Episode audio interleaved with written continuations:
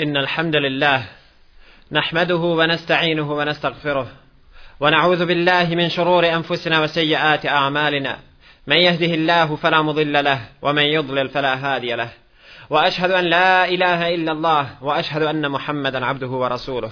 يا أيها الذين آمنوا اتقوا الله حق تقاته ولا تموتن إلا وأنتم مسلمون. يا أيها الناس اتقوا ربكم الذي خلقكم من نفس واحدة. وخلق منها زوجها وبث منهما رجالا كثيرا ونساء.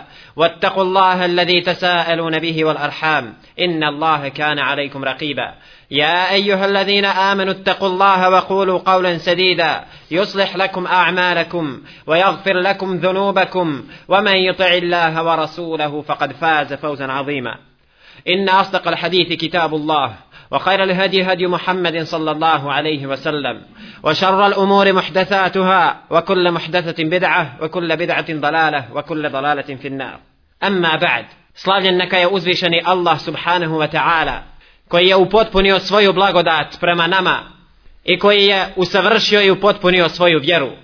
Kaže uzvišeni Allah subhanahu wa ta'ala اليوم أكملت لكم دينكم وأتممت عليكم نعمتي ورضيت لكم الإسلام دينا Danas sam vam upotpunio vašu vjeru i upotpunio svoju blagodat prema vama i zadovoljan sam da vam vjera bude islam. Cijenjena braćo, zahvaljujte Allahu subhanahu wa ta'ala na toj njegovoj blagodati prema vama što vas je uputio u islam uputio vas u najbolju vjeru koju je on objavio svi poslanici su dolazili sa čistim tevhidom ali jedina ispravna vjera u današnje vrijeme je islam inna dina inda Allahi islam jedina priznata vjera kod Allaha je islam ومن يبتغي غير الإسلام دينا فلن يقبل منه وهو في الآخرة من الخاسرين onaj ko bude želio drugu vjeru mimo Islama ona mu neće biti primljena i na sudnjem danu će biti tragičar. Svjedočim da nema drugog Boga osim Allaha subhanahu wa ta'ala i da je Muhammed sallallahu alaihi wa sallam Allahov robi poslanik. Poslao ga je uzvišeni Allah subhanahu wa ta'ala kao rahmet i milost čovječanstvu. Došao je i pokazao čovječanstvu kako treba čovjek da živi u životu na ovom svijetu. Mi smo cijenjena braćo najbolji ummet koji je Allah subhanahu wa ta'ala poslao na ovaj svijet. Ali kada? Bićemo najbolji ummet onda kada budemo naređivali na dobra i odvraćali od zla. I kada budemo vjerovali u Allaha subhanahu wa ta'ala. Ako ispunimo ove uvjete, tada ćemo biti najbolji ummet.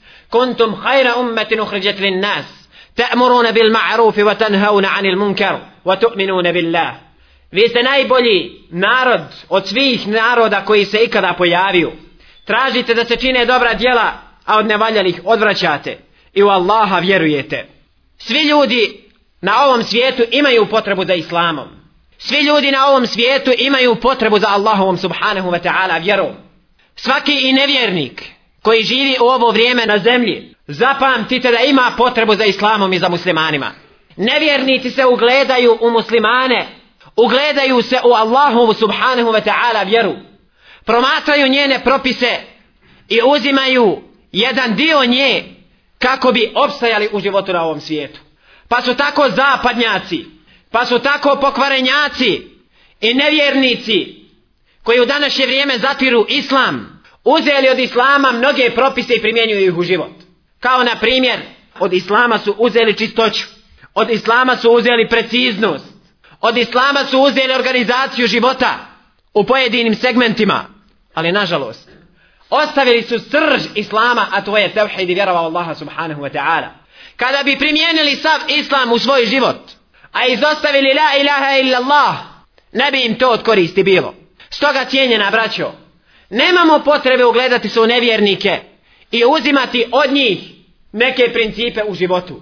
Nemamo potrebe ponižavati se i poginjati glavu pred nevjernicima. Smatrati njih velikim, smatrati njih moćnim, smatrati njih uglednim i poštovanim i cijenjenim, a u isto vrijeme ponižavati sami sebe i ponižavati muslimane.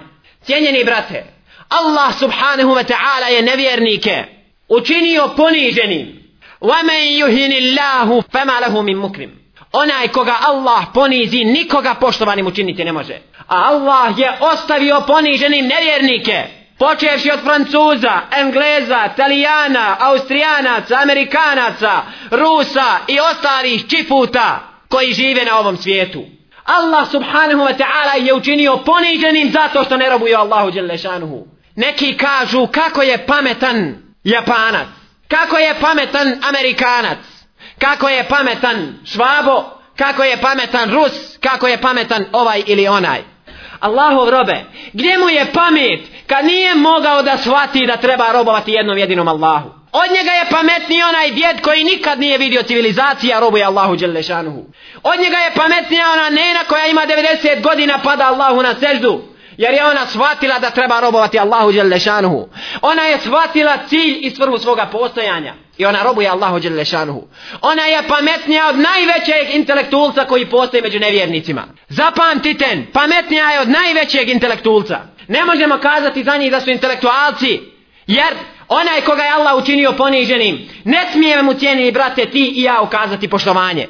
Ne smijemo mu ukazati poštovanje i smatrati ga velikim. Naravno u životu na ovom svijetu ponašat ćemo se prema njemu odmjereno, ne nanoseći mu nepravdu, ne čineći mu vulm, ne potkradajući ga, nego ponašati se prema njemu onako kako se musliman treba ponašati prema nevjernicima. Ali ne smijemo ih smatrati velikim. Imao sam prilike da sjednem s čovjekom u auto koji mi je počeo da govori na engleskom jeziku. Ovo se desilo u gradu Allahovog poslanika sallallahu alaihi ve sellem. Sav onako dotjeran, lijepo našminkan, dotjerano auto uglencano, počeo mi je govoriti na engleskom jeziku. U gradu Allahovog poslanika sallallahu alaihi ve sellem. onaj koji vodi porijeklo od Arapa, počeo mi govoriti engleskim jezikom. Pita me, zar ne govoriš engleski jezik? Rekao sam, ne govorim engleski jezik. Kako ne poznaješ jezik naroda koji nas je preskočio u svojim velikim i ogromnim idejama? Vela havla vela kuvvete illa billah. Ako Allahov robe, nemaš poštovanja prema meni, zašto nemaš poštovanja prema gradu Allahovog poslanika sallallahu alaihi ve sellem? Najvećeg čovjeka u ovome ummetu ne cijeniš i ne poštuješ koliko poštuješ i cijeniš nevjernike. Ne poštuje Rasula sallallahu alaihi ve sellem. Smatra njih da su njihove ideje napredne, a zapostavlja Allahovu djelešanuhu vjeru. Kaže mu cijenjeni brate Allaha ti uzvišenog, šta si ti vidio kod njih od velikih i ogromnih ideja? Pa pogledaj kako su oni napredni. Nemoj mi ti govoriti o napretku Evrope iz koje sam ja došao. Nemoj mi govoriti o napretku nevjernika. Nemoj mi govoriti o njihovoj civilizaciji. Nemoj mi govoriti o onima koji siluju svoje kćerke i majke. Nemoj mi govoriti o onima koji nemaju poštovanja prema insanu, a kamo li da imaju poštovanja prema hajvanu. U mnogim situacijama više cijene hajvane nego insane. A ti njih smatraš naprednim. Smatraš naprednim one koji zatiru Allahovu riječ. A ne smatraš naprednim islamsku civilizaciju od koje su oni to preuzeli. Cijenjeni brate, nemoj zaboraviti da su Francuzi živjeli u ponoru paganstva. Da su živjeli životom u kojem nije bilo civilizacije. Spomenut ću jedan slučaj. Njihove su ulice bile široke samo metar i po. Koliko čovjek može ovako da ruke raširi. Metar i po su bile široke njihove ulice. Nisu imali kupatila. Nisu imali WC-a. Nisu imali mokre čvorove. Nisu imali mjesto gdje će se očistiti. Stoga su Francuzi poznati kao nečisti pagan narod. Njihov jedan vođa i vladar Luj 14. sama se dva put za vrijeme svoga života okupao. I takve ljude smatraš naprednim. Takve ljude smatraš civilizovanim. Dok je islamska Španija u to vrijeme bila, muslimani su živjeli na ulicama koje su bile popločane. Imali su vodovode, imali su javna kupatila. Kada su muslimani živjeli ovakvim životom? Zapamti cijenjeni brate. Muslimani su živjeli ovakvim životom. Kada su dali prednost Allahu i njegovom poslaniku sallallahu alaihi wa sallam nad životom na ovom svijetu. Oni su živjeli ovako ugodnim životom. Onda kada im je bilo stalo do Allahove vjere. Kada su uzeli vjeru tako čvrsto da i nisu ostavljali najsitniji njen princip. A da ga nisu primjenjivali u svome životu. Tada su muslimani dominirali. Tada su proširili svoju civilizaciju u mnoge evropske zemlje, a da ne govorimo o zemljama Bliskog istoka. Tada je cvjetao islam. Podučavali su ljude. Muslimani su bili na vrhuncu kada je u pitanju organizacija ovoga života. Ali kada su bili? Zapamtite, bili su na vrhuncu pobjede onoga momenta kada su se držali Allahove subhanahu wa ta'ala vjeri i kada su znali وَمَنْ يُهِنِ اللَّهُ فَمَا لَهُ مِنْ مُكْرِمٍ Onaj koga Allah ponizi nikoga poštovanim učiniti ne može. Za njih je bio nevjernik manji i sitni od praškice. Za njih nevjernik ništa nije značio. Jer su oni robovali Allahu subhanahu wa ta'ala. I živjeli su u vrijeme najbolje ličnosti koja je došla na zemlju. Živjeli su u vrijeme Rasulullaha sallallahu alaihi wa sallam. Stoga cijenini brate, ako želimo da uspijemo u životu na ovom svijetu, moramo čvrsto vjerovati u Allaha subhanahu wa ta'ala i moramo vjerovati da nam korist i štetu može donijeti samo Allah želešanuhu.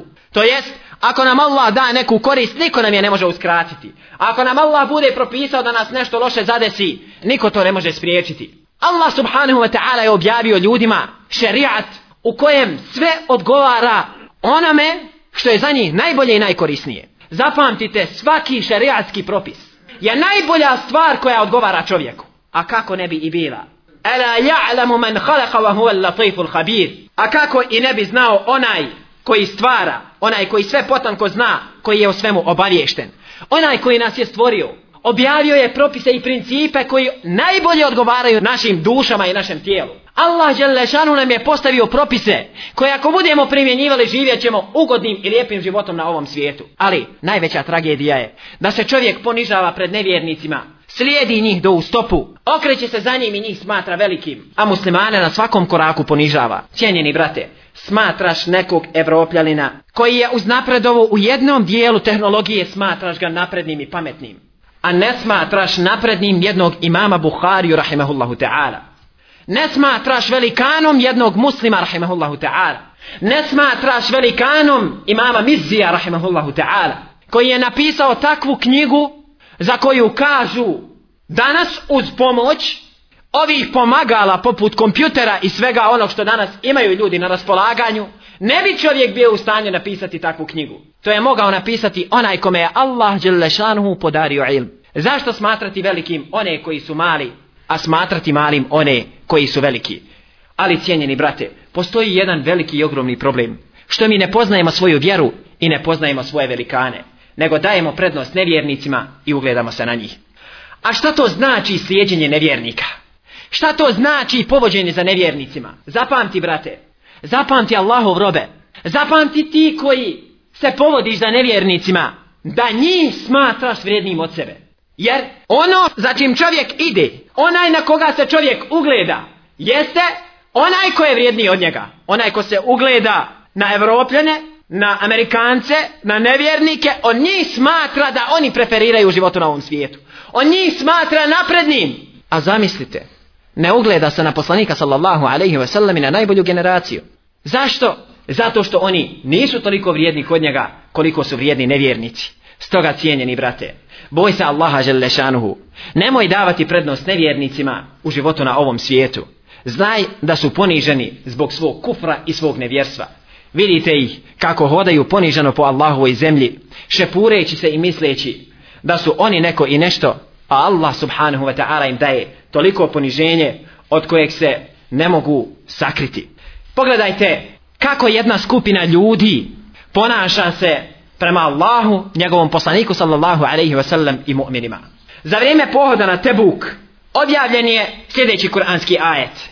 Jakulune le irrađa'na ila al-medinati المدينة ليخرجن الأعز منها الأذل ولله العزة ولرسوله وللمؤمنين ولكن المنافقين لا يعلمون Oni govore, ako se vratimo u Medinu, sigurno će jači istjerati iz nje slabijeg, a snaga je u Allaha i u poslanika njegova i u vjernika, ali licemjeri neće da znaju. Snaga je u Allaha, njegovog poslanika sallallahu alaihi wasallam i uvjernika. Onaj ko želi snagu, onaj ko želi jačinu, neka zna da je snaga i jačina ovdje. Nemojte misliti da snaga dolazi od snage oružja. Da snaga dolazi od snage oružja. Zapamti cijenjeni brate, ne bi bilo ni tebe ni mene u ovom mesčidu. Da snaga dolazi od oružja, ne bi cijenjeni brate bilo ni tebe ni mene ovdje. Jer oni koji su nas imali namjeru uništiti, imali su daleko više oružja na raspolaganje nego što smo ga imali mi. Ali nas je Allah Đelešanu upoštedio i sačuvao nas da bi mu danas robovali.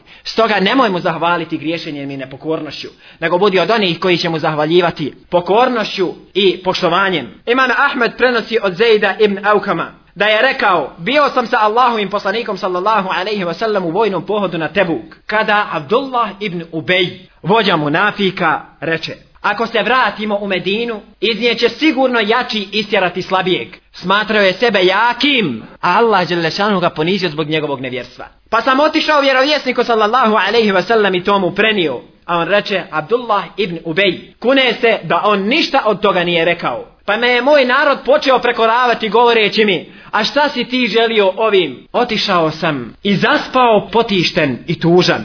A vjerovjesnik sallallahu alaihi sellem posla po mene i reče mi, pogledajte ovog momenta i ove situacije. Kada Ubej ibn Selul, vođa munafika, dođe Rasul sallallahu alaihi wasallam i kaže, nisam ja to rekao. Poslanik sallallahu alaihi wasallam nema dokaza da je to rekao, samo mu je jedan čovjek to rekao. Vjeruje on sahabi svome, vjeruje, ali nema jasnog dokaza, i jasnog argumenta. Pa je Resul sallallahu alaihi wasallam kazao, on se kune da to nije rekao. Kaže, otišao sam i zaspao sav potišten i tužan. Pa je nakon nekog vremena Resul sallallahu alaihi wasallam poslao po njega. I rekao mi je, Allah je objavio opravdanje tebi i dokaz da si istinu govorio. I bio je objavljen ajet. Oni govore, ne udjeljujte ništa onima koji su uz Allahova poslanika sallallahu alaihi wa sallam ne bili ga napustili. Pogledajte kako munafici odvraćaju od dijeljenja na Allahovom putu. Pogledajte kako govore, ne dajte tojima, ne dajte ovima, ne dajte onima. Jer ne bili nekako oni ostavili Allahovu vjeru. Kada ne budu imali šta da jedu, doće i pokorit će se. Otići u nevjerničku zemlju da zarade komad hljeba i tako će se odvratiti od pravoga puta. A blaga nebesa i zemlje Allahova su. Ali licemjeri neće da shvati. Oni govori ako se vratimo u Medinu sigurno će jači isjerati iz nje slabijeg. A snaga je u Allaha i u poslanika njegova i u vjernika. Ali licemjeri neće da saznaju. Hadis bilježi imam Buharija, Tirmidija i Nesaija.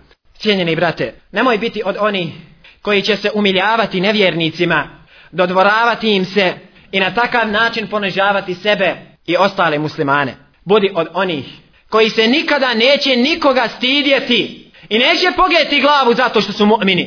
Budi od onih koji će biti ponosni i dignutog čela kada je u pitanju Allahova vjera. I nemoj ni od koga strahovati bojeći se njegovog prekora. Nema potrebe mu'min da strahuje od nevjernika ili munafika zbog toga što govori istinu. Cijenjeni brate, ti koji robuješ Allahu Đelešanuhu, zašto dozvoliti sebi da se ponižavaš pred nevjernicima i pred munaficima? Da strahuješ od toga da kažeš istinu. Istina je istina. Allah je objavio, Resul sallallahu alaihi wa sallam nam je prenio. Nema potrebe da strahujemo. Cijenjeni brate, na nama je da živimo uglednim i lijepim životom na ovom svijetu, puni ponosa, jer robuješ Allahu Đelešanuhu. Zašto smatrati sebe manje vrijednim od onih koji robuju nekome drugom mimo Allaha subhanahu wa ta'ala? Nemoj gledati ono što je u rukama nevjernika od ovo svjetske blagodati pogledom divljenja. Mnogi gledaju ono što se nalazi u rukama nevjernika i smatra ih velikim, vrijednim i važnim. Ili čak pogleda neke munafike koji ne znaju za Allaha Đelešanu ili kriju svoj kufr u svojim prsima. Gleda ih poštovanja punim. Gleda ih takvim očima da su oni cijenjeni, poštovani, uvaženi. Vidite ih kako im se ovako noge tresu kada dođu pred nekog ko je nevjernik ili munafik. Osjeća puno poštovanja prema njemu. A mu'mina, a onoga koji robuje Allahu Đelešanuhu, koji se ne boji ničijeg prekora, govoreći istinu, njega može ponižavati, o njemu može da govori svašta, može da na njega laži, može da se bori protiv njega, a pred nevjernicima osjeća strah i poštuje više njih nego Allaha i njegovog poslanika sallallahu alaihi wa sallam. Allah Đelešanu nevjernicima daje da u životu na ovom svijetu malo uživaju. Kaže Allah Đelešanu, قُلْ تَمَتَّعُوا فَإِنَّ مَصِيرَكُمْ إِلَى النَّارِ Reci, naslađujte se, završit ćete sigurno u vatri. Ne znači ako neko posjeduje i metak, ne znači ako neko ima ova svjetska blaga u svojim rukama, da je poštovan i cijenjen i da će zaslužiti time džennet. Ne, nikako cijenjeni brate. Ebu Hureyre radijallahu anhu je bio čovjek koji je spavao na sofi, spavao na klupi, nije imao gdje da spava i da boravi. Ali Ebu Hureyre je u džennetu. Cijenjeni brate, to je ashab Allahovog poslanika sallallahu alaihi wa sallam. Nije imao puno imetka, ali je imao iman i vjeru koja je bila poput brda Uhuda. Čvrstina vjere je ta koja te može spasiti. Zapamti, i metak te ne može spasiti. Ne može te spasiti kada bi imao sve ono što danas posjeduju nevjernici. Kaže uzvišeni Allah subhanahu wa ta'ala, mi im dajemo da kratko uživaju, a onda ćemo ih natjerati u patnju neizdrživu. Allah subhanahu wa ta'ala im daje da kratko uživaju, a onda će ih natjerati, sve će ih sakupiti i natjerati ih u vatru u kojoj neće moći da izdrži. وَلَا تَمُدَّنَّ عَيْنَيْكَ ila مَا مَتَّعْنَا Nemojte okratati svoje poglede i nikako ne gledajte dugo ljepote ovoga svijeta koje mi kao užitak raznim sortama ljudi pružamo. Da ih time na kušnju stavimo. Allah Đelešanu nekim sortama ljudi daje i metka da ih na kušnju stavi. A obskrba gospodara tvoga je bolja i vječna je. U sahih hadith stoji da je ušao Omar ibn Khattab radijallahu anhu kod Allahovog poslanika sallallahu alaihi ve sellem na čardak u momentu kada se poslanik sallallahu alaihi ve sellem bio odvojio od svojih žena i zaklao na povlačenje od njih i zatekao ga naslonjenog na hasuri od palminog lišća gdje osim obješene raspuknute posude nije bilo više ništa. Omer se rasplakao pa ga poslanik sallallahu alaihi ve sellem upita zašto plačeš Omere? On odgovori Allahov poslaniće, Kisra i Kajsar, presjednici ili kraljevi Perzije i Vizantije, imaju toliko toga, a ti si Allahovo najodabranije stvorenje. Poslanik sallallahu alaihi wasallam reče, zar ti sumnjaš u mene o Omere? To je narod kome je Allah Đalešanu ubrzao ugodnosti dunjalučkog života. Poslanik sallallahu alaihi wasallam od svih ljudi je najmanje koristio dunjalučke blagodati, mada je zato imao mogućnost, imao je priliku ali sebi nije ostavljao za sutra ništa. Ovo je dokaz da cijenjeni brate, i metak ne izvlači čovjeka. I metak mu neće biti od koristi ako ne bude imana. Stoga cijenjeni brate, ne povodimo se za nevjernicima, nemojmo ih smatrati velikim i važnim. Čovjek će na sudnjem danu biti sa onim koga bude volio. Stoga cijenjeni brate, voli Allaha, njegovog poslanika sallallahu alaihi ve sellem i mu'mine. Budi od onih koji će robovati Allahu subhanahu wa ta'ala i koji će nastojati da rade za Allahu u vjeru. Cijenjeni brate, još jednom obnovi svoj iman. Budi od onih koji će se istinski pokajati i mnogo toga što su propustili nadomjestiti u ostatku svoga života. وعن ابن عمر رضي الله عنهما قال قال رسول الله صلى الله عليه وسلم من تشبه بقوم فهو منهم رواه أحمد وأبو داود وغيرهما قد ابن عمر رضي الله عنهما سبرنسي دا يركو ركو يا الله وفصاني صلى الله عليه وسلم كو أبنا شايدا نارد on njemu i pripada.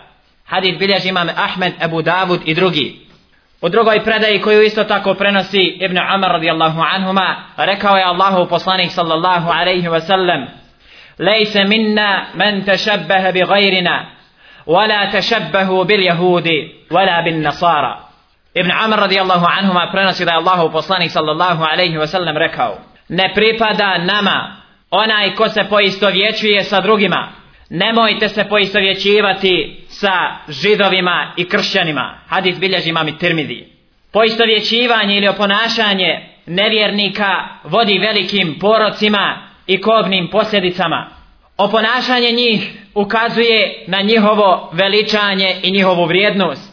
Onaj koji ih oponaša smatra ih savršenim i boljim od sebe jer da nije tako ne bi se u istinu povodio za njima. Kao što su ashabi radijallahu anhum povodili se za Allahovim poslanikom sallallahu alaihi wa sallam kao što se istinski i pravi mu'mini povode za prvim ispravnim generacijama.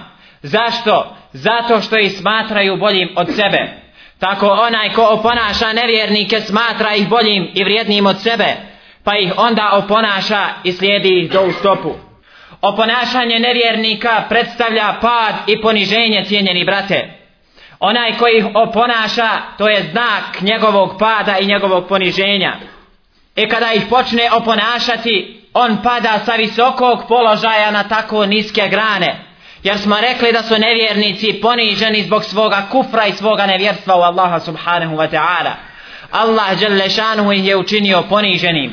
Stoga onaj koga Allah učini poniženim, zapamti cijenjeni brate, nikoga poštovanim učiniti ne može. Onaj koga je Allah ponizio, ne može ga poštovanim učiniti cijeli dunjalu kada bi se sakupio. Stoga nema potrebe da onaj ko vjeruje u Allaha i sudnji dan, ponižava samoga sebe i povodi se za nevjernicima, njihovim običajima i njihovom tradicijom. Zar nisi čuo riječi uzvišenog Allaha subhanahu wa ta'ala kada kaže Ja ejuha alladhina amanu la tattakhidhu al-yahuda wan nasara awliya ba'dhum awliya u ba'd ومن يتولهم منكم فإنه منهم إن الله لا يهدي القوم الظالمين O vjernici, ne uzimajte za zaštitnike jevreje i kršćane. Oni su sami sebi zaštitnici, a njihov je i onaj među vama koji ih za zaštitnike prihvati. Allah u istinu neće ukazati na pravi put ljudima koji sami sebi nepravdu čine. Slavljeni i uzvišeni Allah subhanahu wa ta'ala zabranjuje svojim robovima, vjernicima, da uzimaju za zaštitnike jevreje i kršćane. Allah Đelešanuhu ih ubiju. Oni su otvoreni i jasni neprijatelji Islama i muslimana A zatim govori da su oni koji ih uzmu za zaštitnike i prijatelje isti kao i oni. وَمَنْ يَتَوَلَّهُمْ مِنْكُمْ فَإِنَّهُ مِنْهُمْ Onaj koji ih od vas za zaštitnike svoje prihvati, pa on je isti kao i oni. Riječi uzvišenog Allaha subhanahu wa ta'ala, zato ti vidiš one čija su srca bolesna, to jest, u njima je podozrenje, sumnja ili cemjerstvo i oni žure prema njima, prema nevjernicima.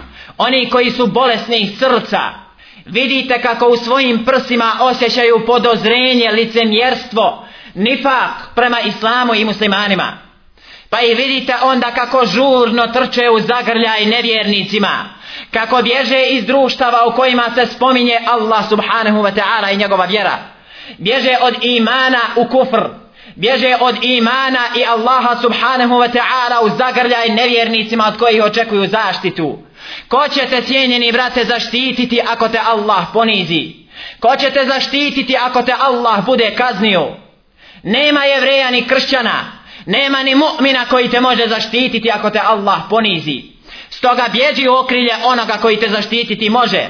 Nemoj ići u okrilje i zagrljaj onima koji ne vole Allaha i njegovog poslanika sallallahu alaihi wasallam. Ima oni koji se boje i plaše uzeti sebi za radnika mu'mina. Ima ih koji zbog dunjaluka i odnosa s nevjernicima ponižava mu'mina koji vjeruje u Allaha i sudnji dan. Pa ćete tako vidjeti pojedince koji postavljaju šartove ma enzer Allahu biha min sultan. Allah Đelešanu nije objavio nikakav dokaz po pitanju ovih šartova.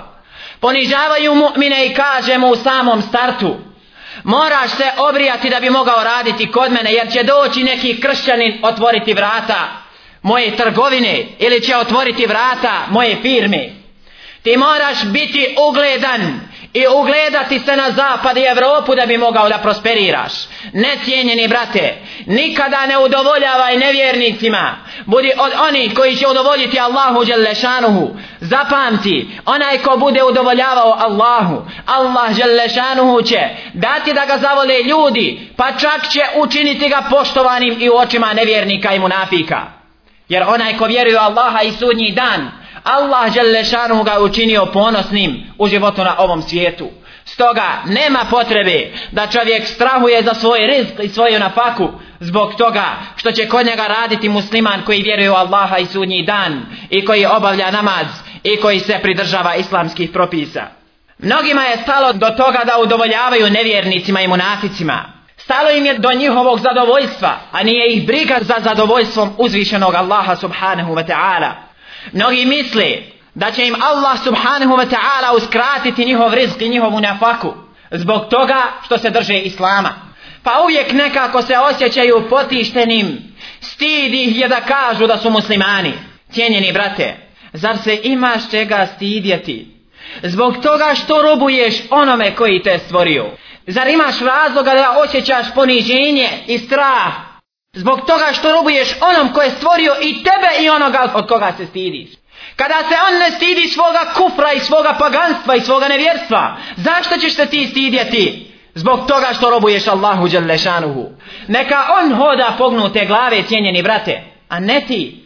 Zbog slabosti vjere i zbog slabosti imana, mnogi muslimani se osjećaju potištenim, poniženim i nekako po strani voljeli bi da mnogi ne znaju, iako klanjaju, da oni klanjaju. Jer, kaže, ako bude znao da ja klanjam, on će bježati iz moga društva. Cijenjeni brate, ti si dužan bježati iz njegovog društva. Ne smiješ da budeš u njegovom društvu, da sa njim prijateljuješ. Ne smiješ da osjećaš zadovoljstvo sa njim. Nego, ti se bojiš da on neće pobjeći iz tvoga društva.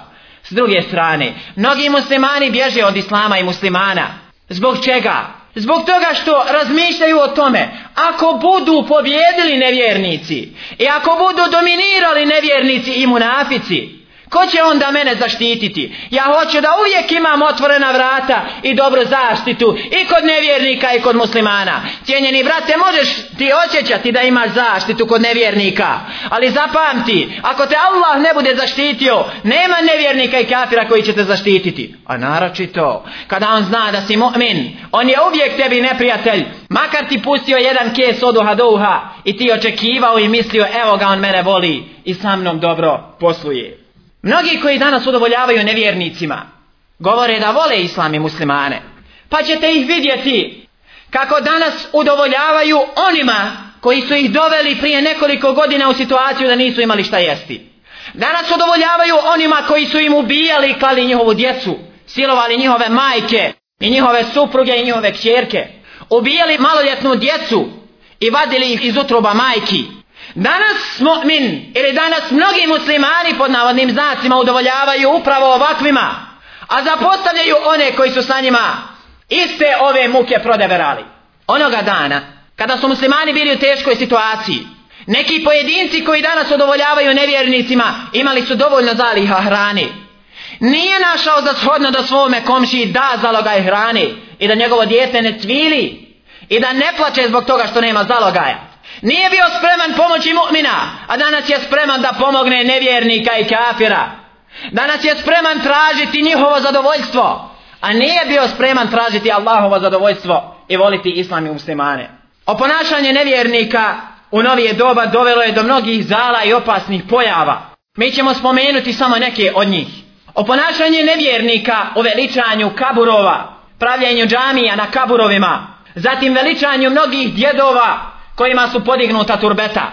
Sve su ovo tradicije i običaji koje su naslijeđene od kršćana i židova. Jer je rekao Allahu poslanik sallallahu alaihi wa sallam da se njegov kabur ne učini bogomoljom, kao što su to činili jevreji i kršćani. Što znači da su muslimani koji su uzeli ovo sebi za tradiciju i običaj. Pravljenje džamija na kaburovima. Zatim, veličanje i slavljenje Allaha Đalešanuhu na mjestima gdje je zabranjeno, na primjer, pravljenje turbeta i slično tome.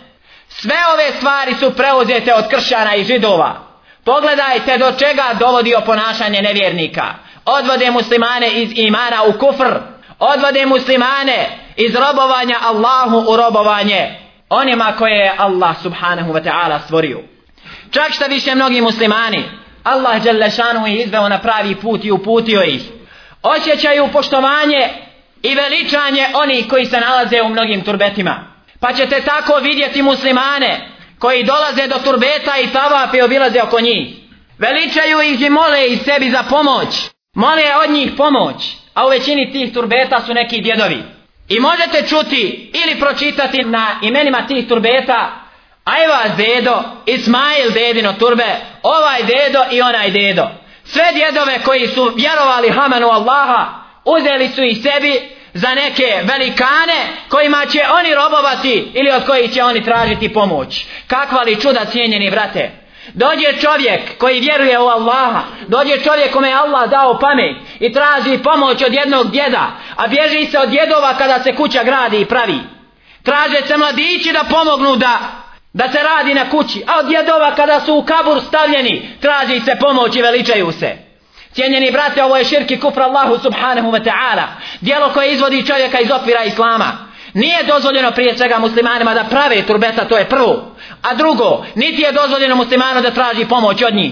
Zašto tražiti pomoć od onoga koji nije u stanju da pomogne samome sebi? Zašto tražiti pomoć od onoga koji je samo smrtni kao što si i ti? Zašto tražiti pomoć od onoga koga je Allah usmrtio? Nema potrebe tražiti pomoć od onoga koji je nemoćan. Tražite pomoć od silnog i moćnog Allaha subhanahu wa ta'ala. Oponašanje nevjernika je dovelo i do sljedećeg poroka. A to je da muslimani veličaju koje kakve praznike koje Allah Želešanu nije objavio kao praznike muslimanima. Pa tako neki proslavljaju neke nacionalne praznike, neki proslavljaju neke državne praznike, neki proslavljaju neke takozvane svjetske praznike počevši od dana rada ili nerada, 8. marta dana žena, ne znam nija dana borca, dana komunista, dana ovoga ili onoga. Više ne znam nija koliko dana su uzeli sebi za proslavu. Sve su to naslijedili od kršćana i židova. Muslimani samo imaju dva praznika i zapamtite ih. Mimo kojih nije dozvoljeno muslimanu da proslavlja bilo šta drugo. Muslimani imaju dva bajrama i nije dozvoljeno ni jednom muslimanu da proslavlja bilo šta drugo do ova dva bajrama.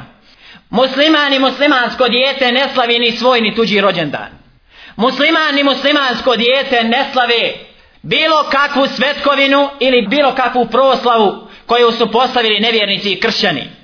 Nije dozvoljeno muslimanu da to proslavlja, zapamtite. Niti je dozvoljeno da svojoj djeci dozvoljavamo da to radi. Ovo je strogo zabranjeno u šerijatu. U ove proslave spada i ovaj dan koji će za nekoliko dana doći. Ili noć ludila, noć pijanke, noć bluda, noć razvrata i nemorala. Noć u kojoj bivaju poniženi mnogi. Noć u kojoj se raspoznaje pametni od budale. Noć u kojoj vidite većinu onih koji ne znaju za Allaha Đalešanuhu kako hodaju ludo po ulicama ili ujutro do 12 sati nema nikoga na ulici. Vidite ih kako se raduju svojoj propasti. Vidite ih kako su upravo sve te običaje naslijedili od kršćana. Zapamtite, kršćanski običaj je da prave ludilo i pijanku u 12 sati u ponoć. To je njihov običaj iz njihove tradicije. To je srž njihovog vjerovanja. Da onaj ko prvi popije čašu alkohola, nakon što prođe pola noći bit će srećan u narednoj godini. I ko popije zadnju čašu alkohola u protekloj godini bit će srećan u narednoj godini. Pa su nažalost mnogi koji ne znaju ovaj šerijat. Nažalost oni koji slijede kršćane povode se za tim i sasipaju u svoju utrobu boce i boce alkohola pa ih vidite na kraju krajeva ne znaju ni šta su uradili te noći. O Allahov robe, o ti koji vjeruješ u Allaha Đelešanuhu, nemoj se svevišnjeg ti Allaha Đelešanuhu ponižavati do te mjere da kršćani i židovi prave o tebe čovjeka koji ne zna šta radi. Budi od onih koji će svjesno i razborito razmišljati. Mnogi muslimani se ne znaju radovati Bajramu i ne proslavljaju Bajram na način kako bi ga trebali proslavljati. Ali nažalost, toliko novca potroši za ovu gregorijansku kršćansku novu godinu da Allah Đelešanu najbolje zna. Ko hoće da se u to uvjeri neka ode Uje Allah, neka se parkira sa svojim vozilom i prati koliko će ljudi odnijeti po dvije, tri, četiri, pet gajbi alkohola pripremajući se za ovu proslavu. I koliki pazar sada trgovine naprave samo zbog ove velike šeitanijade. Cijenjeni brate, obaveza je svakog muslimana da mrzi i prezire nevjernike. Jer onaj ko je nevjernik, on je neprijatelj Allahu, neprijatelj njegovim melekima, neprijatelj njegovim poslanicima, neprijatelj Džibrilu, neprijatelj Mikailu i zatim kada je neprijatelj svima nabrojanim, on je neprijatelj svakom mu'minu na zemlji. Kaže Allah jalla men kane kana aduvan lillahi wa malaikatihi wa rusulihi wa Džibrila wa Mikala, fa inna Allaha aduvan lil kafirin. Ko je neprijatelj Allahu, melekima njegovim i poslanicima njegovim i Džibrilu i Mikailu, pa Allah je doista neprijatelj onima koji ne vjeruju. Allah Želešanu je neprijatelj onima koji ne vjeruju. Nema potrebe da se mu'min povodi za nevjernicima. Cijenjeni brate, zar se čovjek može povoditi za onima koji su bili spremni ubiti starca i staricu?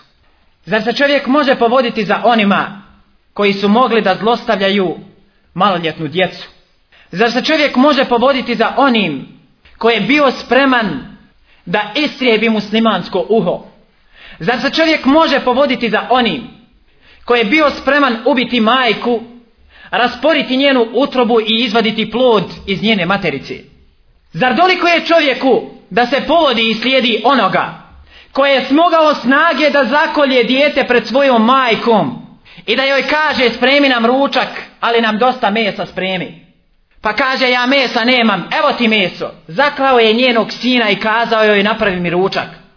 Zar pametan i razuman i normalan insan može se povoditi za ovakvim? Ovo je cijenjeni brate desilo se na Kosovu. Ovo je cijenjeni brate desilo se na Kosovu. Ovo je cijenjeni brate desilo se na Kosovu. A mnogo što što smo i mi sami ovdje svojim očima mogli da vidimo. Doliko je li onome kome je Allah podario pamet da se povodi za onima koji su spremni da urade ovo. Doliko je li da čovjek slijedi one koji su bili spremni silovati majku muslimanku, njenu kćerku i njenu unuku. Zar doliko je čovjeku da slijedi one koji su bili spremni ubiti preko 8000 muslimana u Srebrenici? Zar doliko je muslimanu da slijedi one koji su ubili preko 20.000 djece u Bosni i Hercegovini? Zar doliko je muslimanu da slijedi one koji su ubili preko 250.000 muslimana u Bosni i Hercegovini? I opet čovjek tako brzo zaboravlja. Zar vrijedi slijediti one koji su kazali sljedeće riječi? Kršćani treba da se udruže sa židovima, da unište islam i oslobode svetu zemlju. Ovo je kazao berlinski kardinal Bor. Berlinski kardinal je ovo kazao na zajedničkoj misi u povodu rušenja berlinskog zida. Kaže, kršćani treba da se udruže sa židovima, da unište islam i oslobode svetu zemlju, a muslimani njima ovako trči. Trče im u zagrljaj, a oni se udružuju da unište islam i muslimane. Ja idem da uništim ukletu naciju, da se borim protiv vjere islama i da radim na uništenju Kur'ana. Ovo je himna jednog kolonijalističkog pohoda, kada su krenuli na jednu od muslimanskih zemalja.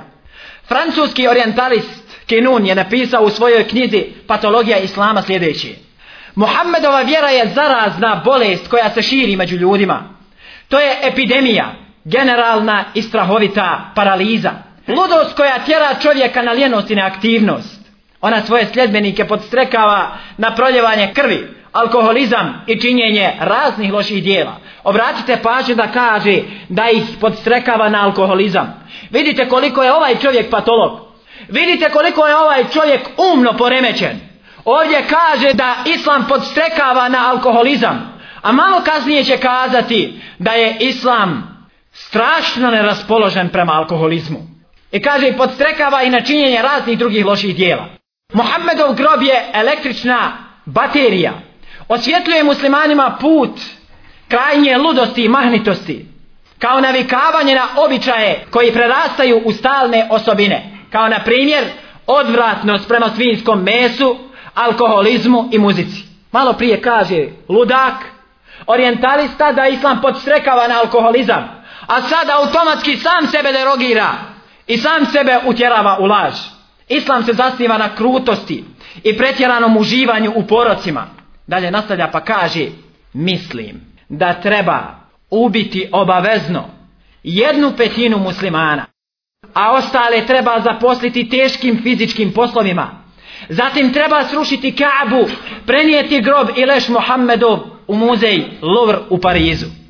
On kaže da treba ubiti i mene i tebe. On kaže da nas treba istrijebiti u tu petinu muslimana, možda spada i moje i tvoje uho. On kaže da nas treba istrijebiti. Vrijedili cijenjeni brate poniziti se i trčati mu zagrljaj i tražiti njihovo zadovoljstvo.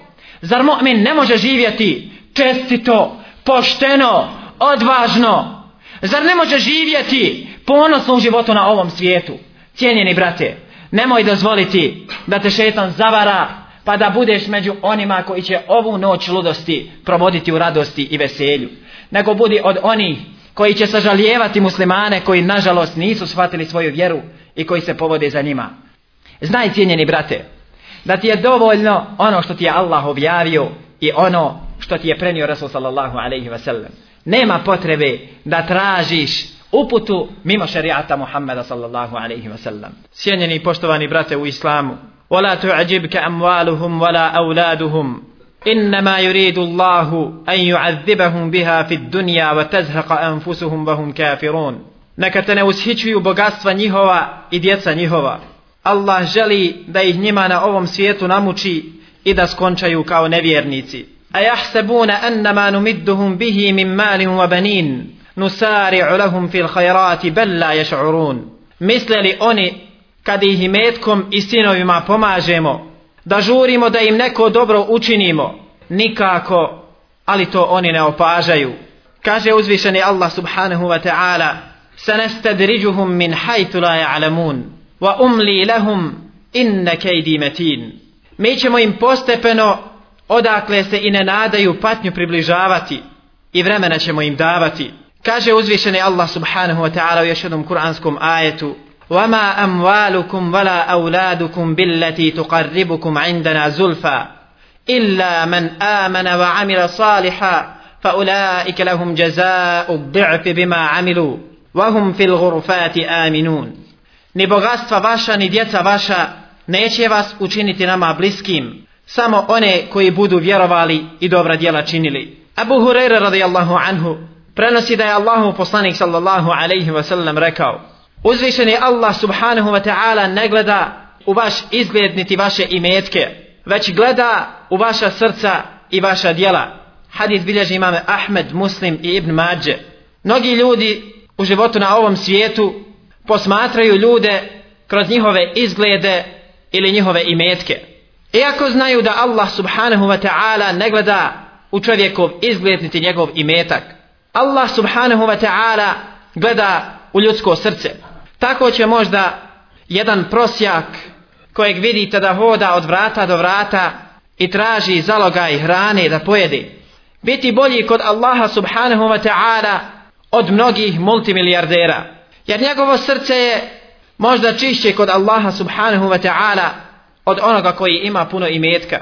Pa mnogi isto tako gledaju u ljudske izglede, kako se čovjek dotjera, kako se namiriše, kako se sredi i tako dalje, a ne gleda u ljudska srca. Mnogi koji se lijepo dotjeraju, namirišu i srede, imaju pokvarena srca, ali ipak ljudi ne gledaju u njihovu pokvarenost, nego gledaju u njihovu vanjštinu. Nemojte zaboraviti hadith Allahovog poslanika sallallahu alaihi wa sallam. Inna Allahe la yanzuru ila suverikum ولا إلى أجسامكم ولكن ينظر إلى قلوبكم Allah subhanahu wa ta'ala ne gleda u vaše imetke niti gleda u vaše izglede nego Allah subhanahu wa ta'ala gleda u vaša srca. Kaže uzvišeni Allah subhanahu wa ta'ala samo onima koji budu vjerovali i dobra djela činili. To jest Allahu subhanahu wa ta'ala samo čovjeka mogu približiti dobra djela. To je ono što čovjeka može približiti Allahu subhanahu wa ta'ala. Kada bi bilo čovjekovo sve što postoji na dunjaluku, svega to ne bi približilo Allahu subhanahu wa ta'ala i sve mu to neće koristiti i ne bi mu koristilo ako ne bude činio dobra djela. Ima onih kojima je Allah dao mnoštvo imetka, ali ga raspoređuju i dijele onako kako treba. Od njih je bio Abdurrahman ibn Auf, od njih je bio Uthman ibn Affan radijallahu anhu, od njih je bio Abu Bakr radijallahu anhu, od njih su bili mnogi drugi od prvih i posljednjih generacija kojima je Allah dao mnoštvo imetka, ali ih taj imetak nije zaveo. Nego raspoređivali su taj imetak onako kako od njih traži Allah i njegov poslanik sallallahu alaihi ve sellem. Mu'min je cijenjeni brate, zadovoljan svojom vjerom u Allaha subhanahu wa ta'ala. Ako mu Allah Đelešanhu da nešto od dunjaluka, on mu na tome zahvali. Ako mu Allah subhanahu wa ta'ala uskrati nešto od dunjaluka, on opet bude zadovoljan sa Allahovom odredbom. Ponovo zahvaljuje Allahu subhanahu wa ta'ala bez obzira da li mu Allah dao mnoštvo imetka ili mu dao malo imetka ili ga pak iskušao glađu on je čvrste vjere u Allaha subhanahu wa ta'ala i sve to ne utiče na njega negativno. Stoga cijenjeni brate nemoj posmatrati nevjernike očima punim poštovanja punim cijenjenja i poštivanja vrijednovanja i ulizgivanja nego ih posmatraj kao one koji su ostali poniženi u životu na ovom svijetu a šta ih tek čeka na ahiretu. Zapamti cijenjeni brate, da Allah subhanahu wa ta'ala nekim generacijama daje imetke da bi ih uništio. Daje mi imetke i djecu i sinove da bi samo iskusili patnju u životu na ovom svijetu. A na sudnjem danu čeka ih nesnosna patnja. Upravo zbog njihovog nevjerstva i zbog pokvarenosti njihovih srca. Čvrstoća vjere u Allaha subhanahu wa ta'ala je presudna da mu'min ili mu'minka imaju dobar i čvrst odnos prema Allahu subhanahu wa ta'ala. Tako da se mogu strpiti i kod najvećih i najjačih udaraca. Stoga nije čudo kada majka mu'minka kaže svome sinu koji je bivajući ranjen u borbi na Allahovom putu ostao paralizovan. Kaže mu, sine moj, nikad ne zažali zbog stanja koje te zadesilo. Ovo je majka kao i sve druge majke. Ovo je majka koja voli svoga sina i koja ga poštuje i cijeni. Mislite li da ova majka ne voli svoga sina? Mislite li da je iz srca ove majke išeznula ljubav i pažnja prema njenom sinu. Mislite li da ova majka želi zlo i neprijatnost svome sinu? Necijenjeni brate, ova majka voli više svoga sina nego mnoge druge majke. Ona ga je odgajala u islamu. Ona ga je naučila islamskim propisima. Ona ga je odškolovala. Ona je ta koja ga je bodrila tokom cijelog njegovog života. Ovaj naš brat je čak držao predavanja u haramu Mekke. Ali je čvrstoća vjere i ljubav prema Allahu subhanahu wa ta'ala učinila da je izišao u borbu na Allahovom putu i bio ranjen tako da je ostao paralizovan. Ali opet mu njegova majka koja je tako čvrstog imana kaže Sine moj nikad nemoj zažaliti zato što te to zadesilo. Zar može majka kazati svome sinu ovakve riječi? Može to samo ona majka koja je spoznala Allaha subhanahu wa ta'ala i koja čvrsto vjeruje u Allaha Đelešanuhu. To ne može svaka majka.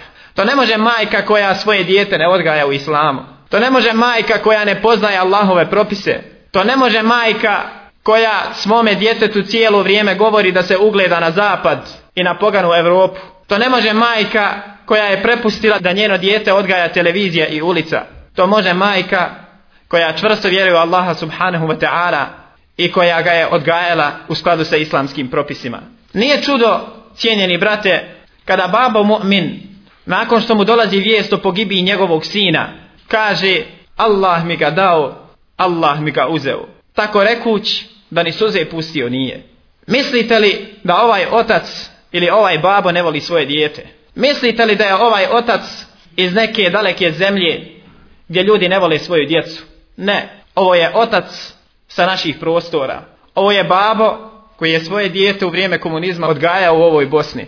Ipak čvrstoća njegove vjere je učinila da smogne snage i kaže Allah subhanahu wa ta'ala je taj koji mi je dao ovo dijete. Allah subhanahu wa ta'ala je taj koji mi ga uzeo. Ali ko može kazati ovakve riječi? Ponovo ponavljam da to može samo onaj u čijim prsima se nalazi čvrsta vjera u Allaha subhanahu wa ta'ala. Sretan je onaj ko život na dunjaluku koristi u činjenju dobrih dijela, a na ahiretu bude nagrađen džennetom u kome će vječno boraviti. Ovo je osoba koja je sretna. Život na ovom svijetu provede u činjenju dobrih dijela, a nakon što preseli zaradi džennet koji mu je Allah subhanahu wa ta'ala obećao. ومن الناس من يعبد الله على حرف فإن أصابه خير اطمأن به وإن أصابته فتنة انقلب على وجهه خسر الدنيا والآخرة ذَلِكَ هُوَ الْخُسْرَانُ الْمُبِينُ A pogledajte stanja nevjernika. Ima svijeta koji Allahu robuje površno. Ako ga zadesi dobro smiri se, a ako ga zadesi iskušenje, vrati se svom nevjerovanju, pa tako izgubi i ovaj i onaj svijet. To je u istinu očiti gubitak. Ovaj je u životu na ovom svijetu robovao Allahu subhanahu wa ta'ala samo površno. Ako mu Allah da hajr i dobro, on se smiri. A ako ga Allah iskuša, on zaboravi na Allaha subhanahu wa ta'ala. Odma se oda nevjerstvu i učini nevjerstvo Allahu želešanuhu. Stoga će biti tragičar i u životu na ovom svijetu i na ahiretu. Nevjernik je nesrećan u životu na ovom svijetu zbog toga što ga je proveo u sticanju imetka. Čitav svoj život je proveo stičući imetak daleko od robovanja uzvišenom Allahu subhanahu wa ta'ala. Živi ponižen na ovom svijetu, a na ahiretu ga čeka nesnosna patnja. Ovdje bi mogli postaviti jedno veliko pitanje. Kada je nevjernik ponižen na dunjaluku, Allah ga ponizio na ovom svijetu, a na sudnjem danu će biti osramoćen i kažnjen. Dolikuje li mu'minu i mu'minki da se povodi za nevjernicima i da ih oponaša? Dolikuje li onom ko vjeruje u Allaha i sudnji dan da nevjernike smatra velikim i moćnim? Dolikuje li onom ko vjeruje u Allaha i sudnji dan da se spusti na te grane da oponaša nevjernike čak u proslavama koje oni priređuju? Pa tako možete u ovo vrijeme već vidjeti okićene neke dućane i neke trgovine i kafane i to u muslimanskim sredinama iščekujući njihov praznik iščekujući prije svega njihov praznik koji biva 24. na 25. u noć ne znam nija tačno od mjeseca decembra doliko je li mu'minu da se ponizi do te mjere da ih oponaša čak u proslavama koje oni priređuju u povodu nekih svojih svetkovina pod navodnim znacima. ima onih muslimana koji su se ponizili do te mjere da po nekoliko mjeseci jedva iščekuju kada će doći ta proslava nova godina. Ima muslimana koji svojoj djeci uzimaju i jelke i koji nastoje da im kupe sve ono što je potrebno da bi tu jelku nakitili. Počevši od sijalica, od slatkiša, od još koje kakvih rekvizita koji su potrebni da bi se ta jelka nakitila. Nažalost, nedolikuje mu'minu i mu'minki koji vjeruju Allaha i sudnji dan da se spuste na ove grane i da oponašaju nevjernike u njihovim praznicima. Mnogi muslimani ne oponašaju nevjernike samo u njihovim praznicima, nego ih oponašaju u svim njihovim običajima ili bolje rečeno u većini njihovih običaja. Cijenjeni brate u islamu, boj se Allaha subhanahu wa ta'ala, nemoj dozvoliti svome sinu i svojoj kćerci, niti dozvoli prije svega samom sebi, da proslavljaš praznike koji su nevjernici osmislili i koje oni proslavljaju, nego budi od onih koji će robovati Allahu subhanahu wa ta'ala istinski i koji će znati šta trebaju učiniti u životu na ovom svijetu. Ako cijenjeni brate, budeš se povodio za njima, znaj da kaže Allahu poslanik sallallahu alaihi ve sellem Men tešebbehe bi qavmin fahuva minhum Onaj ko oponaša jedan narod, on je od njih. On je njihov. Onaj ko oponaša jedan narod, on je njihov. Al mar'u ma'a man ahabba jaum al qiyame. Čovjek će na sudnjem danu biti sa onim koga bude volio na ovom svijetu. Stoga oponašanje nevjernika je dokaz da muslimani vole nevjernike, čim proslavljaju njihove praznike i čim se povode za njima. Cijenjeni brate, ne povodi se za nevjernicima, nego istinski robuje Allahu subhanahu wa ta'ala daleko, daleko od običaja i tradicije nevjernika. Živi ponosnim životom, jer te je Allah Đelešanuhu učinio ponosnim. Allah subhanahu wa ta'ala te učinio od onih koji robuju samo njemu. Stoga nemoj se sam ponižavati i povoditi se za drugima. Donosite salavat na Allahovog poslanika i miljenika Muhammada sallallahu alaihi wa sallam. Jer nam to naređuje uzvišeni pa kaže inna Allaha wa malaikatahu yusalluna ala nabi. Ja ejuha alladhina amanu sallu alaihi wa sallimu taslima. Allahumma salli ala Muhammadin wa ala ali Muhammad. كما صليت على إبراهيم وعلى آل إبراهيم إنك حميد مجيد. اللهم بارك على محمد وعلى آل محمد. كما باركت على إبراهيم وعلى آل إبراهيم إنك حميد مجيد. وعن ابن عمر رضي الله عنهما قال قال رسول الله صلى الله عليه وسلم من تشبه بقوم فهو منهم. رواه أحمد وأبو داود وغيرهما. od Ibn Amara radijallahu anhuma se prenosi da je rekao rekao je Allahu poslanik sallallahu sallam ko oponaša jedan narod, on njemu i pripada. Hadid bilježi imam Ahmed, Abu Davud i drugi. U drugoj predaji koju isto tako prenosi Ibn Umar radijallahu anhuma, rekao je Allahu poslanik sallallahu alaihi wa sallam, Lejse minna men tešabbehe bi gajrina, wala tešabbehu bil jahudi, wala bin nasara. Ibn Umar radijallahu anhuma prenosi da je Allahu poslanik sallallahu alaihi wa sallam rekao, ne pripada nama onaj ko se poistovjećuje sa drugima, nemojte se poistovjećivati sa židovima i kršćanima. Hadith bilježi i Tirmidi. Poistovjećivanje ili oponašanje nevjernika vodi velikim porocima i kobnim posljedicama. Oponašanje njih ukazuje na njihovo veličanje i njihovu vrijednost. Onaj koji ih oponaša smatra ih savršenim i boljim od sebe jer da nije tako ne bi se u istinu povodio za njima. Kao što su ashabi radijallahu anhum povodili se za Allahovim poslanikom sallallahu alaihi wa sallam kao što se istinski i pravi mu'mini povode za prvim ispravnim generacijama.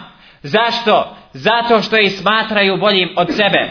Tako onaj ko oponaša nevjernike smatra ih boljim i vrijednim od sebe pa ih onda oponaša i slijedi ih do u stopu oponašanje nevjernika predstavlja pad i poniženje cijenjeni brate. Onaj koji ih oponaša, to je znak njegovog pada i njegovog poniženja. I kada ih počne oponašati, on pada sa visokog položaja na tako niske grane. Jer smo rekli da su nevjernici poniženi zbog svoga kufra i svoga nevjerstva u Allaha subhanahu wa ta'ala. Allah ih je učinio poniženim.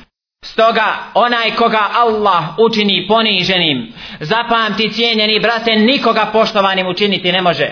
Onaj koga je Allah ponizio, ne može ga poštovanim učiniti cijeli dunjalu kada bi se sakupio.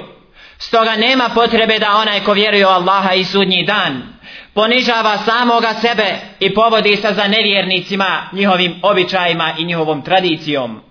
Zar nisi čuo riječi uzvišenog Allaha subhanahu wa ta'ala kada kaže Ja ejuha alladhina amanu la tattakhidhu al-yahuda van nasara awliya ba'duhum awliya u ba'd ومن يتولهم منكم فإنه منهم إن الله لا يهدي القوم الظالمين O vjernici, ne uzimajte za zaštitnike jevreje i kršćane. Oni su sami sebi zaštitnici, a njihov je i onaj među vama koji za zaštitnike prihvati. Allah u istinu neće ukazati na pravi put ljudima koji sami sebi nepravdu čine. Slavljeni i uzvišeni Allah subhanahu wa ta'ala zabranjuje svojim robovima, vjernicima, da uzimaju za zaštitnike jevreje i kršćane. Allah Đelešanuhu ih ubiju. Oni su otvoreni i jasni neprijatelji Islama i muslimana. A zatim govori da su oni koji ih uzmu za zaštitnike i prijatelje isti kao i oni. وَمَنْ يَتَوَلَّهُمْ مِنْكُمْ فَإِنَّهُ مِنْهُمْ Onaj koji ih od vas za zaštitnike svoje prihvati, pa on je isti kao i oni. Riječi uzvišenog Allaha subhanahu wa ta'ala, zato ti vidiš one čija su srca bolesna, to jest, u njima je podozrenje, sumnja ili cemjerstvo i oni žure prema njima, prema nevjernicima. Oni koji su bolesni srca, vidite kako u svojim prsima osjećaju podozrenje, licemjerstvo, nifak prema islamu i muslimanima. Pa i vidite onda kako žurno trče u zagrljaj nevjernicima, kako bježe iz društava u kojima se spominje Allah subhanahu wa ta'ala i njegova vjera. Bježe od imana u kufr, bježe od imana i Allaha subhanahu wa ta'ala u zagrljaj nevjernicima od kojih očekuju zaštitu. Ko će te cijenjeni brate zaštititi ako te Allah ponizi? Ko će te zaštititi ako te Allah bude kaznio? Nema jevreja ni kršćana, nema ni mu'mina koji te može zaštititi ako te Allah ponizi. Stoga bježi u okrilje onoga koji te zaštititi može. Nemoj ići u okrilje i zagrljaj onima koji ne vole Allaha i njegovog poslanika sallallahu alaihi wasallam. Ima oni koji se boje i plaše uzeti sebi za radnika mu'mina. Ima ih koji zbog dunjaluka i odnosa s nevjernicima ponižava mu'mina koji vjeruje u Allaha i sudnji dan. Pa ćete tako vidjeti pojedince koji postavljaju šartove ma enzal Allahu biha min sultan. Allah Đelešanu nije objavio nikakav dokaz po pitanju ovih šartova. Ponižavaju mu'mine i kaže mu u samom startu moraš se obrijati da bi mogao raditi kod mene jer će doći neki kršćanin otvoriti vrata moje trgovine ili će otvoriti vrata moje firme. Ti moraš biti ugledan i ugledati se na zapad i Evropu da bi mogao da prosperiraš. Necijenjeni brate, nikada ne udovoljavaj nevjernicima. Budi od onih koji će udovoljiti Allahu Đelešanuhu. Zapamti, onaj ko bude udovoljavao Allahu, Allah Đelešanuhu će dati da ga zavole ljudi, pa čak će učiniti ga poštovanim i u očima nevjernika i munafika. Jer onaj ko vjeruje Allaha i sudnji dan, Allah Đelešanu ga učinio ponosnim u životu na ovom svijetu. Stoga nema potrebe da čovjek strahuje za svoj rizk i svoju nafaku zbog toga što će kod njega raditi musliman koji vjeruje u Allaha i sudnji dan i koji obavlja namaz i koji se pridržava islamskih propisa. Mnogima je stalo do toga da udovoljavaju nevjernicima i munaficima. Stalo im je do njihovog zadovoljstva, a nije ih briga za zadovoljstvom uzvišenog Allaha subhanahu wa ta'ala. Mnogi misle da će im Allah subhanahu wa ta'ala uskratiti njihov rizk i njihovu nafaku zbog toga što se drže Islama. Pa uvijek nekako se osjećaju potištenim, stidi ih je da kažu da su muslimani. Cijenjeni brate, zar se imaš čega stidjeti? Zbog toga što robuješ onome koji te stvorio. Zar imaš razloga da osjećaš poniženje i strah Zbog toga što robuješ onom ko je stvorio i tebe i onoga od koga se stidiš. Kada se on ne stidi svoga kufra i svoga paganstva i svoga nevjerstva, zašto ćeš se ti stidjeti? Zbog toga što robuješ Allahu Đelešanuhu. Neka on hoda pognute glave, cijenjeni brate, a ne ti. Zbog slabosti vjere i zbog slabosti imana, mnogi muslimani se osjećaju potištenim, poniženim i nekako po strani voljeli bi da mnogi ne znaju, iako klanjaju, da oni klanjaju. Jer, kaže, ako bude znao da ja klanjam, on će bježati iz moga društva. Cijenjeni brate, ti si dužan bježati iz njegovog društva. Ne smiješ da budeš u njegovom društvu, da sa njim prijateljuješ. Ne smiješ da osjećaš zadovoljstvo sa njim. Nego, ti se bojiš da on neće pobjeći iz tvoga društva. S druge strane, mnogi muslimani bježe od islama i muslimana. Zbog čega? Zbog toga što razmišljaju o tome, ako budu pobjedili nevjernici i ako budu dominirali nevjernici i munafici, Ko će onda mene zaštititi? Ja hoću da uvijek imam otvorena vrata i dobru zaštitu i kod nevjernika i kod muslimana. Cijenjeni brate, možeš ti osjećati da imaš zaštitu kod nevjernika. Ali zapamti, ako te Allah ne bude zaštitio, nema nevjernika i kafira koji će te zaštititi. A naročito, kada on zna da si mu'min, on je uvijek tebi neprijatelj. Makar ti pustio jedan kes oduha douha i ti očekivao i mislio, evo ga on mene voli i sa mnom dobro posluje. Mnogi koji danas udovoljavaju nevjernicima, govore da vole islam i muslimane. Pa ćete ih vidjeti kako danas udovoljavaju onima koji su ih doveli prije nekoliko godina u situaciju da nisu imali šta jesti. Danas udovoljavaju onima koji su im ubijali i klali njihovu djecu, silovali njihove majke i njihove supruge i njihove kćerke. Ubijali maloljetnu djecu i vadili ih iz utroba majki. Danas mu'min ili danas mnogi muslimani pod navodnim znacima udovoljavaju upravo ovakvima, a zapostavljaju one koji su sa njima iste ove muke prodeverali. Onoga dana, kada su muslimani bili u teškoj situaciji, neki pojedinci koji danas udovoljavaju nevjernicima imali su dovoljno zaliha hrane. Nije našao za shodno da svome komši da zalogaj hrane i da njegovo djete ne cvili i da ne plače zbog toga što nema zalogaja. Nije bio spreman pomoći mu'mina, a danas je spreman da pomogne nevjernika i kafira. Danas je spreman tražiti njihovo zadovoljstvo, a nije bio spreman tražiti Allahovo zadovoljstvo i voliti islam i muslimane. Oponašanje nevjernika u novije doba dovelo je do mnogih zala i opasnih pojava. Mi ćemo spomenuti samo neke od njih. Oponašanje nevjernika u veličanju kaburova, pravljenju džamija na kaburovima, zatim veličanju mnogih djedova kojima su podignuta turbeta. Sve su ovo tradicije i običaji koje su naslijeđene od kršćana i židova. Jer je rekao Allahu poslanik sallallahu alaihi ve sellem da se njegov kabur ne učini bogomoljom, kao što su to činili jevreji i kršćani. Što znači da su muslimani koji su uzeli ovo sebi za tradiciju i običaj. Pravljenje džamija na kaburovima. Zatim, veličanje i slavljenje Allaha Đalešanhu na mjestima gdje je zabranjeno, na primjer, pravljenje turbeta i slično tome. Sve ove stvari su preuzete od kršćana i židova. Pogledajte do čega dovodi oponašanje nevjernika. Odvode muslimane iz imana u kufr. Odvode muslimane iz robovanja Allahu u robovanje onima koje je Allah subhanahu wa ta'ala stvorio. Čak šta više mnogi muslimani, Allah Đelešanu je izveo na pravi put i uputio ih. Osjećaju poštovanje i veličanje oni koji se nalaze u mnogim turbetima. Pa ćete tako vidjeti muslimane koji dolaze do turbeta i tavafe obilaze oko njih. Veličaju ih i mole iz sebi za pomoć. Mole od njih pomoć. A u većini tih turbeta su neki djedovi. I možete čuti ili pročitati na imenima tih turbeta Ajva dedo, Ismail dedino turbe, ovaj dedo i onaj dedo.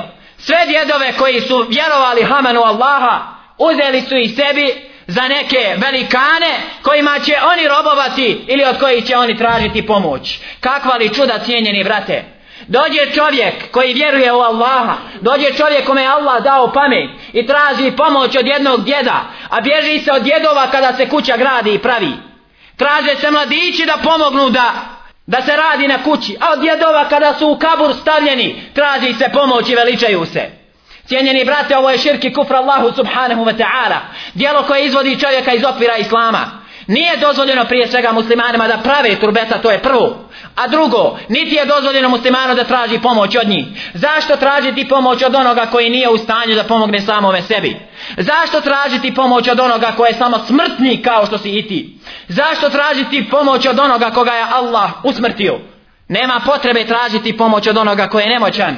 Tražite pomoć od silnog i moćnog Allaha subhanahu wa ta'ala. Oponašanje nevjernika je dovelo i do sljedećeg poroka. A to je da muslimani veličaju koje kakve praznike koje Allah Želešanu nije objavio kao praznike muslimanima.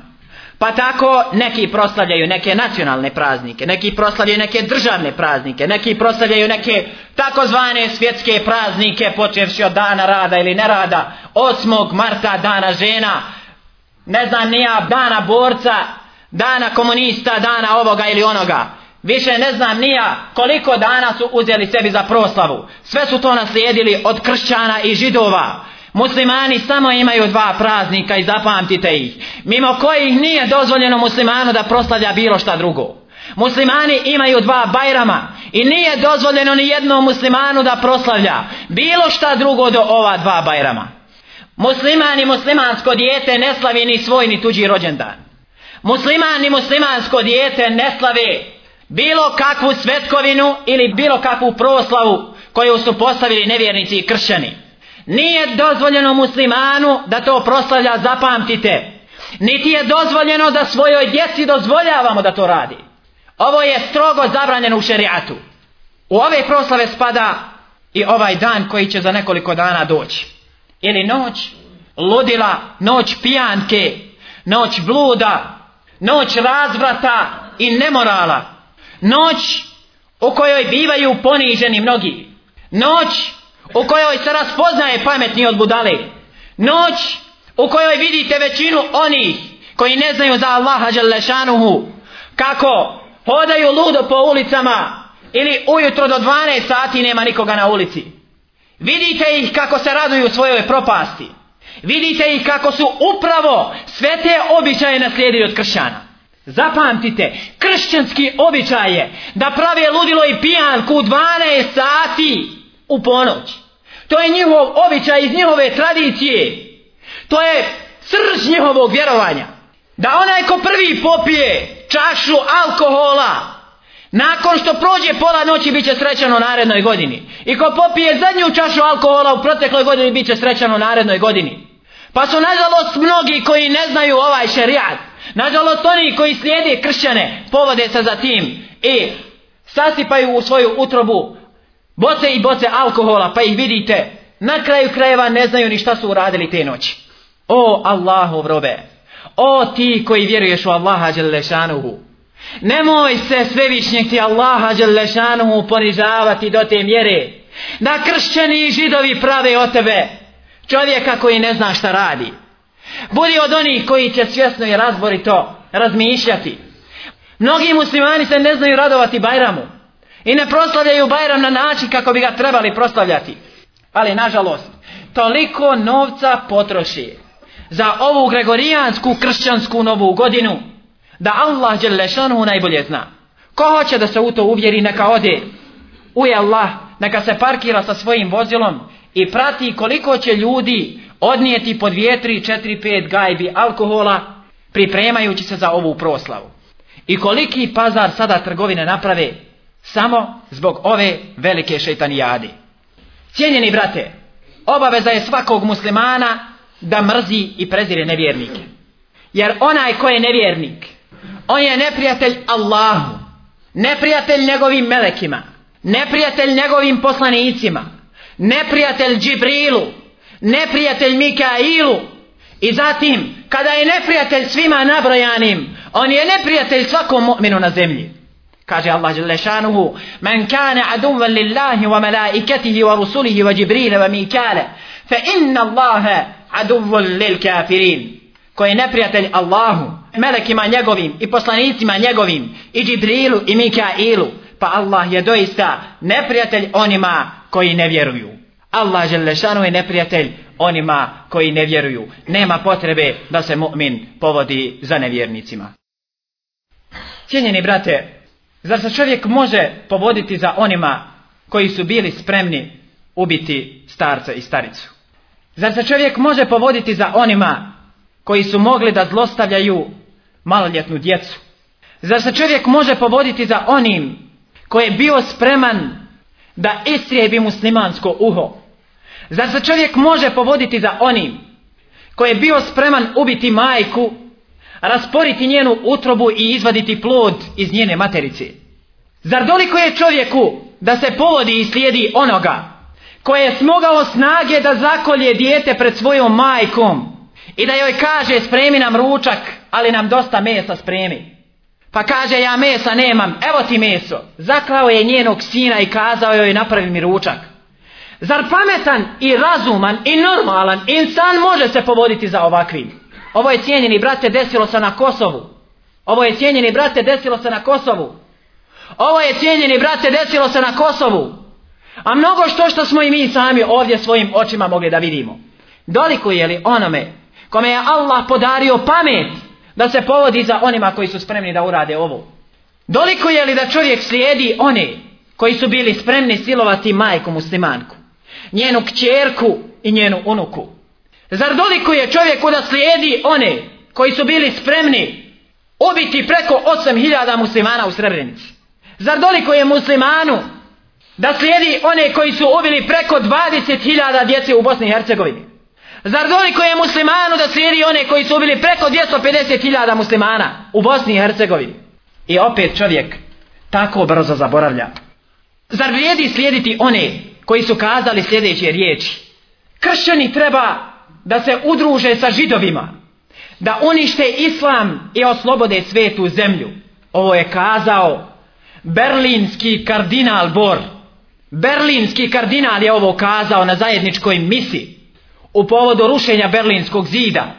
Kaže, kršćani treba da se udruže sa židovima, da unište islam i oslobode svetu zemlju, a muslimani njima ovako trči. Trče im u zagrljaj, a oni se udružuju da unište islam i muslimane.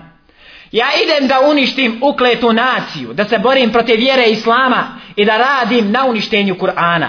Ovo je himna jednog kolonialističkog pohoda, kada su krenuli na jednu od muslimanskih zemalja. Francuski orientalist Kenun je napisao u svojoj knjizi Patologija Islama sljedeći. Muhammedova vjera je zarazna bolest koja se širi među ljudima. To je epidemija, generalna i strahovita paraliza. Ludost koja tjera čovjeka na ljenost i neaktivnost. Ona svoje sljedbenike podstrekava na proljevanje krvi, alkoholizam i činjenje raznih loših dijela. Obratite pažnju da kaže da ih podstrekava na alkoholizam. Vidite koliko je ovaj čovjek patolog. Vidite koliko je ovaj čovjek umno poremećen. Ovdje kaže da islam podstrekava na alkoholizam. A malo kasnije će kazati da je islam strašno neraspoložen prema alkoholizmu. I kaže i podstrekava i na činjenje raznih drugih loših dijela. Mohamedov grob je električna baterija. Osvjetljuje muslimanima put krajnje ludosti i mahnitosti. Kao navikavanje na običaje koji prerastaju u stalne osobine. Kao na primjer odvratnost prema svinskom mesu, alkoholizmu i muzici. Malo prije kaže ludak, orientalista da islam podstrekava na alkoholizam. A sad automatski sam sebe derogira i sam sebe utjerava u laž. Islam se zasniva na krutosti i pretjeranom uživanju u porocima. Dalje nastavlja pa kaže, mislim da treba ubiti obavezno jednu petinu muslimana, a ostale treba zaposliti teškim fizičkim poslovima. Zatim treba srušiti Kaabu, prenijeti grob i leš Mohamedov u muzej Louvre u Parizu. On kaže da treba ubiti i mene i tebe. On kaže da nas treba istrijebiti u tu petinu muslimana, možda spada i moje i tvoje uho. On kaže da nas treba istrijebiti. Vrijedili cijenjeni brate poniziti se i trčati mu zagrljaj i tražiti njihovo zadovoljstvo. Zar mu'min ne može živjeti čestito, pošteno, odvažno? Zar ne može živjeti ponosno u životu na ovom svijetu? Cijenjeni brate, nemoj dozvoliti da te šetan zavara pa da budeš među onima koji će ovu noć ludosti provoditi u radosti i veselju. Nego budi od onih koji će sažalijevati muslimane koji nažalost nisu shvatili svoju vjeru i koji se povode za njima. Znaj cijenjeni brate, da ti je dovoljno ono što ti je Allah objavio i ono što ti je prenio Rasul sallallahu alaihi ve sellem. Nema potrebe da tražiš uputu mimo šerijata Muhammeda sallallahu alaihi ve sellem.